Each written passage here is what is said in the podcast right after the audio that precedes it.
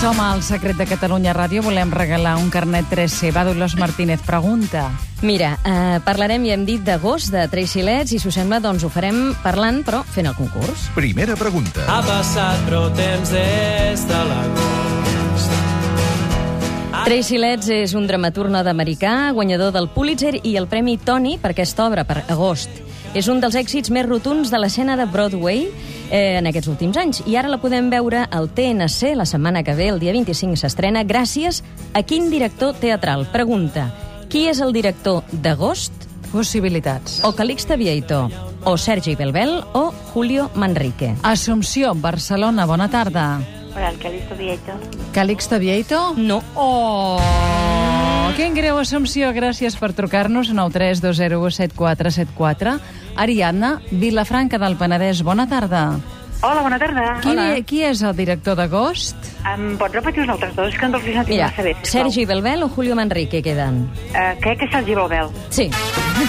Bravo, li posem Molt bé. el número número 1, eh? A Una l'Ari- abraçada. Una abraçada a l'Ariadna de Vilafranca. Va, anem a la... Segona pregunta.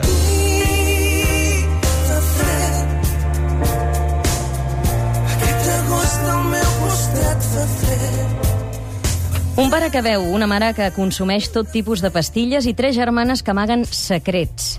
La nombrosa família es reuneix quan mor el pare, llavors tots els sentiments exploten. Aquest és el còctel que el públic trobarà en una gran obra de teatre que exposa amb humor i intel·ligència la part fosca d'una típica família contemporània. Per cert, la mare és una imponent actriu, Annalisa Aran, però la pregunta és aquesta. Sabeu d'on és Annalisa Aran? On ha nascut?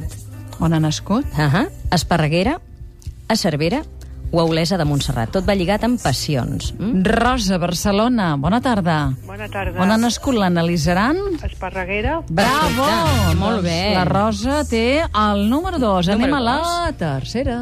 Tercera pregunta. Avui fa vent i corre l'oratge. Agost és una muntanya russa en tres actes on descobrim les veritats, mentides i secrets de 13 personatges que comparteixen efectes i profuns ressentiments. Podeu veure els actors com Emma Vilarassau, Jordi Benacolotxa, Maifè Gil, Rosa Renom, Abel Folk i una de les protagonistes de la sèrie Infidels. Qui és? O Montse Guallar, o Sílvia Bell, o Montse Germán. Jordi de Sabadell, bona tarda. Hola, bona tarda. Qui és aquesta prota? La Montse Guallar? No, la Montse Guallar està fent una altra obra Oh. al, al Romea amb el Julio Manrique. 9 3 2 0 1 74 74. Qui és una de les protagonistes de l'agost i o d'Infidels? Sílvia Bell o Montse Germán. 9 3 2 0 1 74 74. Maria Lluïsa, Barcelona, bona tarda. Hola, bona tarda. I doncs, qui és? A veure...